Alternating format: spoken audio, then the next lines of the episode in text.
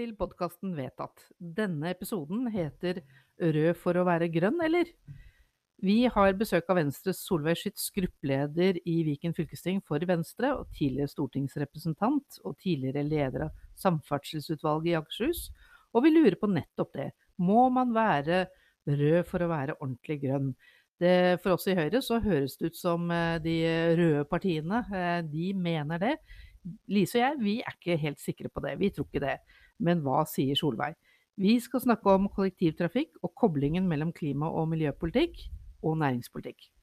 Mitt navn er Anette Solli. Med meg har jeg som alltid den fabelaktige Lise Hagen Rebbestad. Hei, Anette, og hei, Solveig. Det er skikkelig kult at du ville være med oss i dag. Tusen takk for at jeg fikk komme. Veldig hyggelig. You're a sight for sore eyes, som det heter på norsk. Takk for invitasjonen, og takk for um, altså overskriften. Må man være rød for å være grønn? Og altså, svaret på det er åpenbart nei. Altså, Venstre, vi er grønn, vi. Ferdig med det, liksom. Eh, og så har vi jo nettopp hatt en blå-grønn regjering, har vi ikke det? Jo. Eh, som jo viser at eh, vi kan få til mye grønn politikk eh, også med å samarbeide den veien. Og det er jo Venstres erfaring. Mm. At vi får til mest grønn politikk det å samarbeide med Høyre og KrF. Så sånn er det. Og, og, vi har jo sett det at du er jo grønn på mange måter. Ja. Fordi at uh, det er jo ikke bare det at du er venstrepolitiker òg. Du er, du er jo i tillegg så er du speider. Mm. Og da er du mye ute i skog og mark, har jeg sett på Facebook. Og ikke bare speider. Hun har jo vært sjefen over alle sjefer i Speideren. Det har jeg også vært. Eh, jeg begynte i Speideren da jeg var åtte år, og så greide jeg liksom aldri å slutte. Det er noen av oss som er sånn. Eh, så jeg har vært, eh, jeg har vært eh, speiderleder eh, både i en gruppe i Oslo når jeg var student der, eh, og så har jeg speiderleder, altså jeg er speiderleder på Ås. Og så hadde jeg også ganske mange år der jeg var engasjert i ulike prosjekter sentralt i Norges Speiderforbund. Både vært programsjef på landsleir, det er fantastisk morsomt, og fått sitte i speiderstyret og vært speidersjef i noen år. Og det å få lede en frivillig barne- og ungdomsorganisasjon på den måten, med 20 000 medlemmer, det er en fantastisk spennende erfaring og et stort privilegium. Mm. Ja, det skjønner jeg godt. Jeg har vært blåmeis. Nettopp. Ja, alltid beredt. Og jeg er fortsatt, eh, fortsatt eh, flokkassistent i første års speidergruppe. Mm. Og det der å liksom få være aktiv i den lokale speidergruppa og ha den der liksom, jordinga til lokalsamfunnet og barn og unge der man bor, Mm. det er kjempekjekt og kjempeviktig. Ikke minst når man, altså når man driver med politikk og jobber til daglig med liksom de store spørsmåla, eh, så er det kjempeviktig. Ja. Jeg har sett noe annet òg, jeg, på Facebook. Oi, hva Ja, jeg stalker deg. Jeg har sett litt sånn glitter og paletter. Ja, men nå må du passe deg. Når Lise stalker deg, da er det serious, altså. Eh, Men jeg har sett litt sånn glitter og paletter og mikrofon. Det hender det at det er litt glitter og paletter. Ja, det er liksom på den andre siden, tenker jeg. Det er veldig viktig å gjøre noe som er bare for moro skyld. Særlig når man driver med litt sånn eh, alvorlige ting eh, i jobben. em, og har mye ansvar, så er det viktig å gjøre ting som er bare for moro skyld. Mm. Så jeg synger i en vokalgruppe som heter Voices. em, og vi er altså en gjeng med damer i, ja, i hovedsak i 40-åra som eh, lage morsomme show og sette opp på Kulturhuset i Ås. Um, og ambisjonsnivået er sånn omtrent eh, ti øvelser og en konsert i halvåret. Og nå 7. mai, jeg legger inn litt snikreklame her, 7. mai på Ås kulturhus, så er det altså Voices-konsert der eh, temaet er eller overskriften er 'Viva la diva'. Og da kan dere jo bare se for dere. Her blir det store divasanger og damer som skal kose seg skikkelig. Både med liksom litt sånn hver våre solonummer og en del fellesnummer som blir kjempegøy. Jeg tenker eh, du tar ut helt motsatsen til speiderskjorta i eh, paljett og spotlight og, og diva-sangene dine. Men første gangen jeg ble ordentlig kjent med deg, Solveig, det var på et seriøst opplegg. Det var Zero-konferansen på Gardermoen for en god del år siden. Mm. Da hadde du kommet rett inn i fylkespolitikken. eh, Kom veldig raskt inn. eh, Og heldigvis så har du blitt værende. Men det var jo forsøk på også hvordan skal vi bli venner med den dama fra Venstre. Og hva er det vi i Høyre gjør da? Jo, vi byr på gin tonic.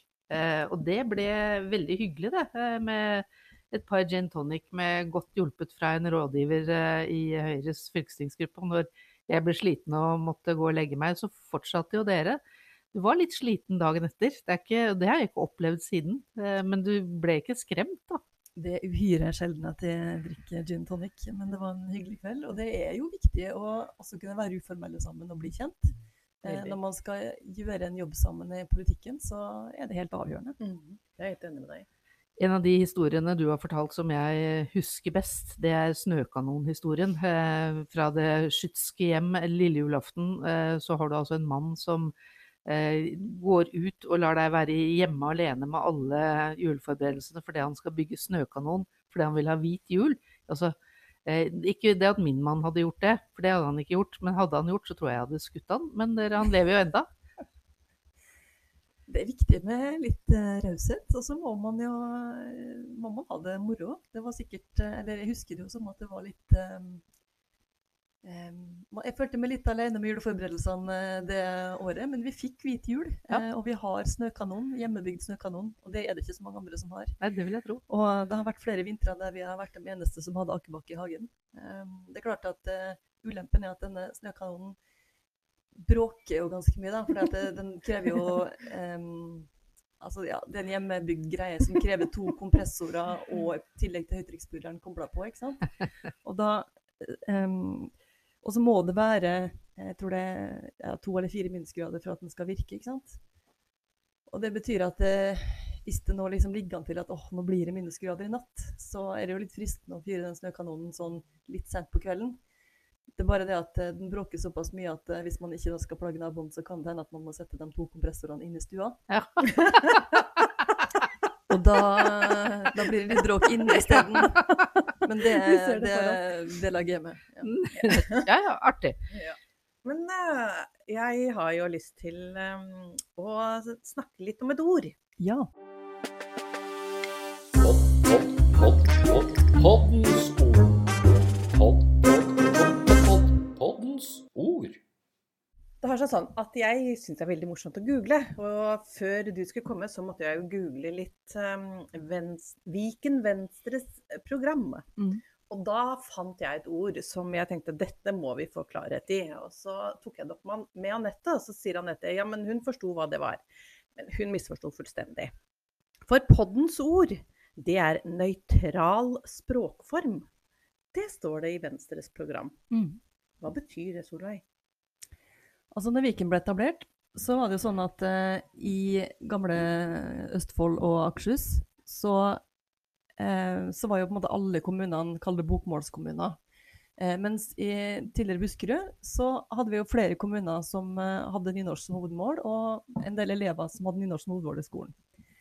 Så var vi opptatt av at eh, vi skal lage et eh, nytt fylke, men vi er må faktisk passe på at ikke nynorskbrukerne i eh, Viken blir liksom overkjørt, for nå skal alt være bokmål, for nå blir det der eh, bokmålsflertallet enda større. Men, men det vi skrev i programmet vårt, var at vi vil at Viken skal ha en nøytral språkform. Altså ikke egentlig velge det ene eller det andre, men bruke begge. Eh, men også at vi ville at Viken skulle lage en språkbruksplan. Eh, og det handler jo om å liksom faktisk ha en aktiv språkpolitikk eh, og ta noen bevisste valg, og sørge for at eh, nynorskelevene som kommer på våre videregående skoler, eh, blir godt tatt imot og har et ordentlig tilbud, og at ikke det blir en salderingspost. Det er vel ingen hemmelighet at Høyre er ikke fullt så opptatt av nynorsk. Men vi er No, fall noen av oss er. Noen, ja ja, men uh, vi har jo hatt noen forslag som går på at ikke nødvendigvis nynorsk skal være det vi bruker mest tid på. Men, men vi har vært veldig opptatt av at vi skal bruke språk som alle forstår. Mm. Og uansett om man bruker nynorsk eller bokmål, så tenker jeg det er i hvert fall ekstremt viktig. At alle eh, innbyggerne forstår det språket som brukes i et fylke. Det er kjempeviktig at alle forstår, og så er det viktig at alle innbyggerne får bruke språket sitt. Ikke sant? Ja. At man får bruke dialekten sin, og at man får bruke den målformen som ligger nærmest dialekten sin. Mm. Eh, Jeg kan tenke meg at du ikke visste det, Solveig, men eh, vi har tatt dette på alvor, vi i Viken Høyres fylkestingsgruppe. Vi har én av to rådgiverne og snakker og skriver eh, nynorsk. Så eh, Lise hun må lese mer nynorsk enn det hun noen gang har gjort før i hele sitt liv. si. Eh, og så er det ikke sånn at vi er skeptiske til nynorsk, Lise. Vi Nei, er skeptiske nei, nei. til, til tvunget sidemål. Det er det er to forskjellige ting. Ja, så nå må du ta deg sammen litt her.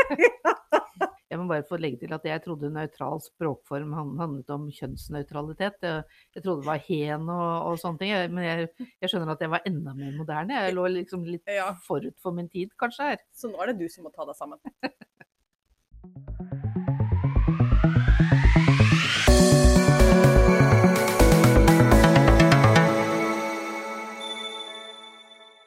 Men du Anette, jeg lurer på noe. Hvordan går det med koronakroppen din? Ja, den har det kjempebra. Den har det mye bedre enn det jeg eh, egentlig setter pris på. Eh, Og det jeg, er litt spesielt. ja, nei, det, ja. men jeg prøver å ta noen grep, da. Og nå har jeg i hylla på Meny oppdaget svarthavre. Herlighet. Det er nemlig norsk urhavre fra Tveter gård i Østfold. Den er usprøytet, den har 40% mer Wow. sunne fettsyrer og mindre karbohydrater. Gosh. Så, eh, altså, så dette er en gavepakke. Eh, Det eneste som er problemet, er at jeg føler meg veldig som Senterpartiet når jeg driver og koker meg den grøten om morgenen. Ja, det, det tror jeg på. Men jeg tror at jeg skal bli helt strømlinjeformet av det. Du spiser du svarthavre, Solveig? Jeg må innrømme at jeg har ikke hørt om det engang, jeg. Kanskje vi må ta oss en tur på Meny og se om vi kan finne det, men det høres litt sånn spesielt ut. eh.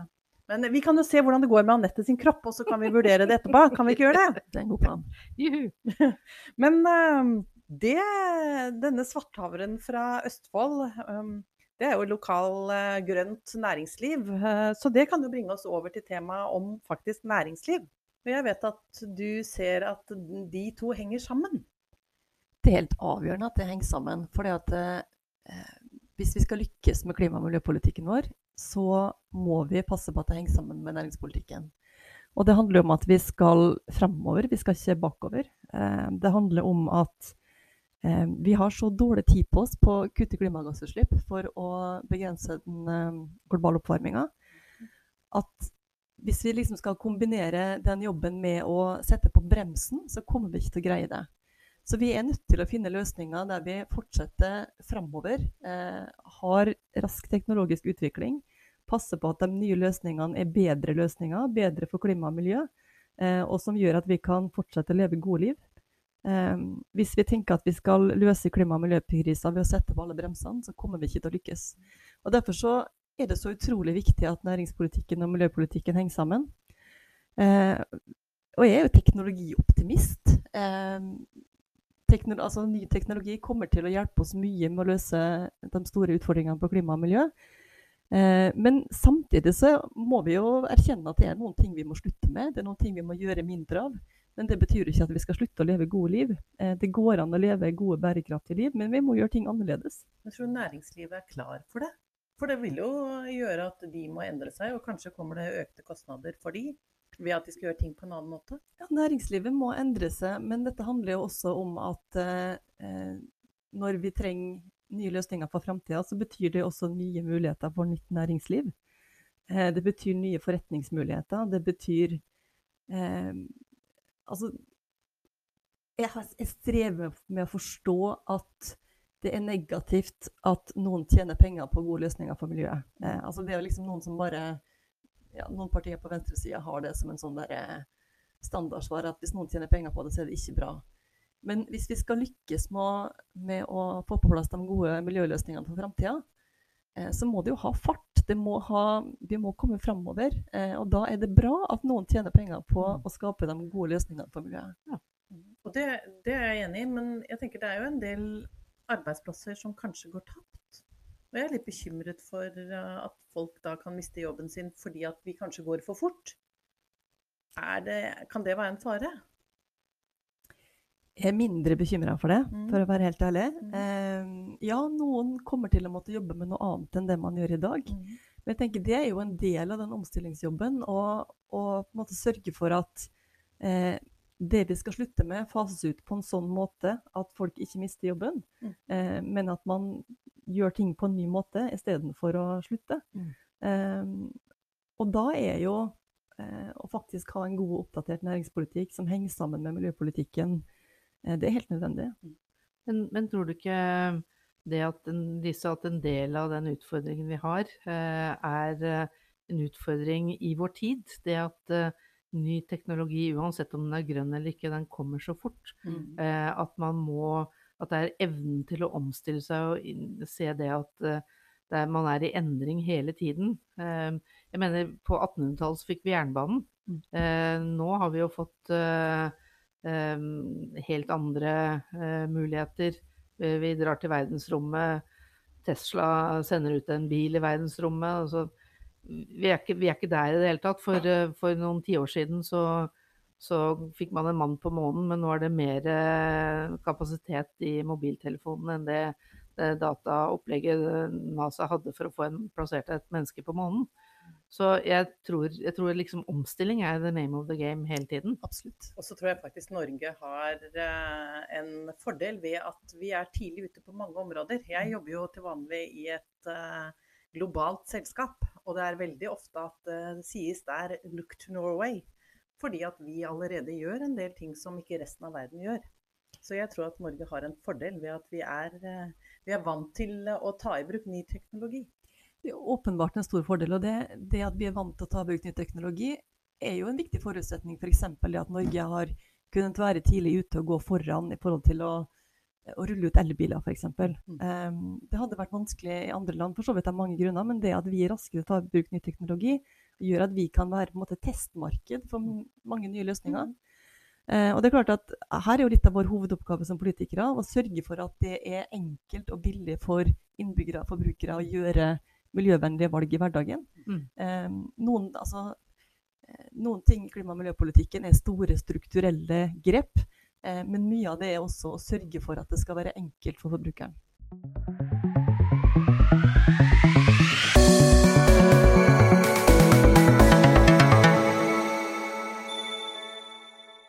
Et område som vi er opptatt av, både Venstre og Høyre, er jo kollektivtransport. Og nå er vi jo i en periode etter eh, koronaen. Hva tenker du Solveig, er hjemmekontoret bare en utfordring for kollektivtrafikken, eller er det faktisk et skritt for et bedre klima? Det at flere kan jobbe hjemme er jo åpenbart eh, positivt eh, av mange grunner, men også at eh, ikke alle trenger å reise hver dag er jo bra for klimaet. Det er det ikke tvil om. Samtidig så er det en kjempeutfordring for oss hvis det fører til at vi må gjøre kutt i et kollektivtilbud som er så liksom, grunnleggende viktig for at samfunnet skal fungere. Eh, så jeg merka nå liksom, de siste ukene eh, når jeg har tatt eh, toget til eh, Oslo, og så liksom går på toget enten klokka er sju eller klokka ni, og så ser jeg at ah, det er fullt på toget. Det er fullt på toget. Eh, tenk at man kan bli lykkelig av at det er trangt på toget. Eh, altså Sånn var det ikke før. Eh, men nå blir jeg lykkelig av at det er ståplass på toget eh, og ingen ledige seter. Eh, for det betyr at jeg vet at altså kollektivreisene, de kollektivreisene er på vei tilbake. Men det er ikke mange på bussen. Nei, og så er det litt forskjell på hvor man er hen, tror jeg. Men, men det er klart at det, her, her er vi ikke helt enige eh, om hvordan vi skal angripe dette. Og det er på en måte helt realt. Men eh, for Venstre så er det liksom helt grunnleggende at det må være enkelt og billig å reise kollektivt. Og én ting er liksom miljøaspektet ved det eh, i forhold til eh, mindre utslipp og sånn, men det er så viktig for, for byene våre at eh, ikke bare alle gatene er fulle av biler som står i kø, men at det er plass til gående og syklende. Eh, og at, at bussene slipper å stå i kø. Um, og vi er så avhengig av at hele det systemet funker, for at ikke det skal bli en sånn der negativ spiral. Da. Men det er jo et lite paradoks. Eh, Dere kjører vel sikkert begge to, jeg vet i hvert fall Anette gjør det, kjører elbil, og det gjør sikkert du også, Solveig. Mm. Det blir jo et lite paradoks i forhold til det med Uh, at vi gjerne vil ha flere over på elbil, um, men samtidig så vil vi ha folk til å kjøre kollektivt.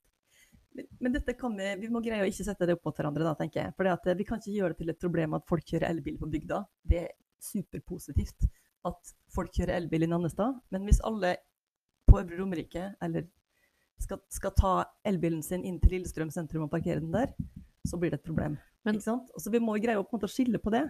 Og så er spørsmålet eh, Når det har vært så stor nedgang i de kollektivreisene nå, da, eh, som gjør at det er mindre billettinntekter, og særlig i liksom, Ruters område, så er det ganske krevende fordi at det er så stor andel av Ruters inntekt som er billettinntekter. Eh, så mener jo Venstre at uh, vi er nødt til å ha is i magen en god stund til. Uh, fordi hvis vi begynner å kutte i tilbudet nå, så blir det mye vanskeligere uh, å få folk til å begynne å reise kollektivt igjen. Men samtidig så sier også Ruter at en av de største konkurrentene nå til deres tilbud, kollektivtilbudet deres, i vårt område i Oslo og Akershus, det er elbilen. For elbilsalget har økt, og man ser at uh, bruken øker eh, også. Sånn at folk velger eh, å bruke den nye elbilen sin isteden som de kjøpte under eh, pandemien, istedenfor å reise kollektivt som de gjorde før. Mm. Så, så den- den diskusjonen om hvor lenge vi skal beholde elbilfordelene, den, den må vi ta i hvert fall gjennom eh, bomringen, fordi at vi bruker pengene derifra til å subsidiere billetten som folk kjøper på kollektiv. Mm. Så hvis vi må på en måte anstrenge oss enda mer for å bruke enda mer penger på å holde kollektiv eh, i gang, samtidig som eh, vi får enda mindre inntekter fordi at folk kjører så mye elbil, så har vi kommet inn i en litt sånn håpløs bakevje, egentlig. Så jeg tror at eh, det er én diskusjon vi må ta, og en annen diskusjon er hvis, for, for før siden så må vi prioritere her. Er det viktig da å bruke pengene på å opprettholde rutenettet, eller gjøre billettene billigere? Eh, vi er jo i Høyre mest opptatt av å, å passe på det rutenettet vi har. eh, og jeg er ikke helt sikker på om vi klarer å beholde det helt, men vi må prøve så godt vi kan.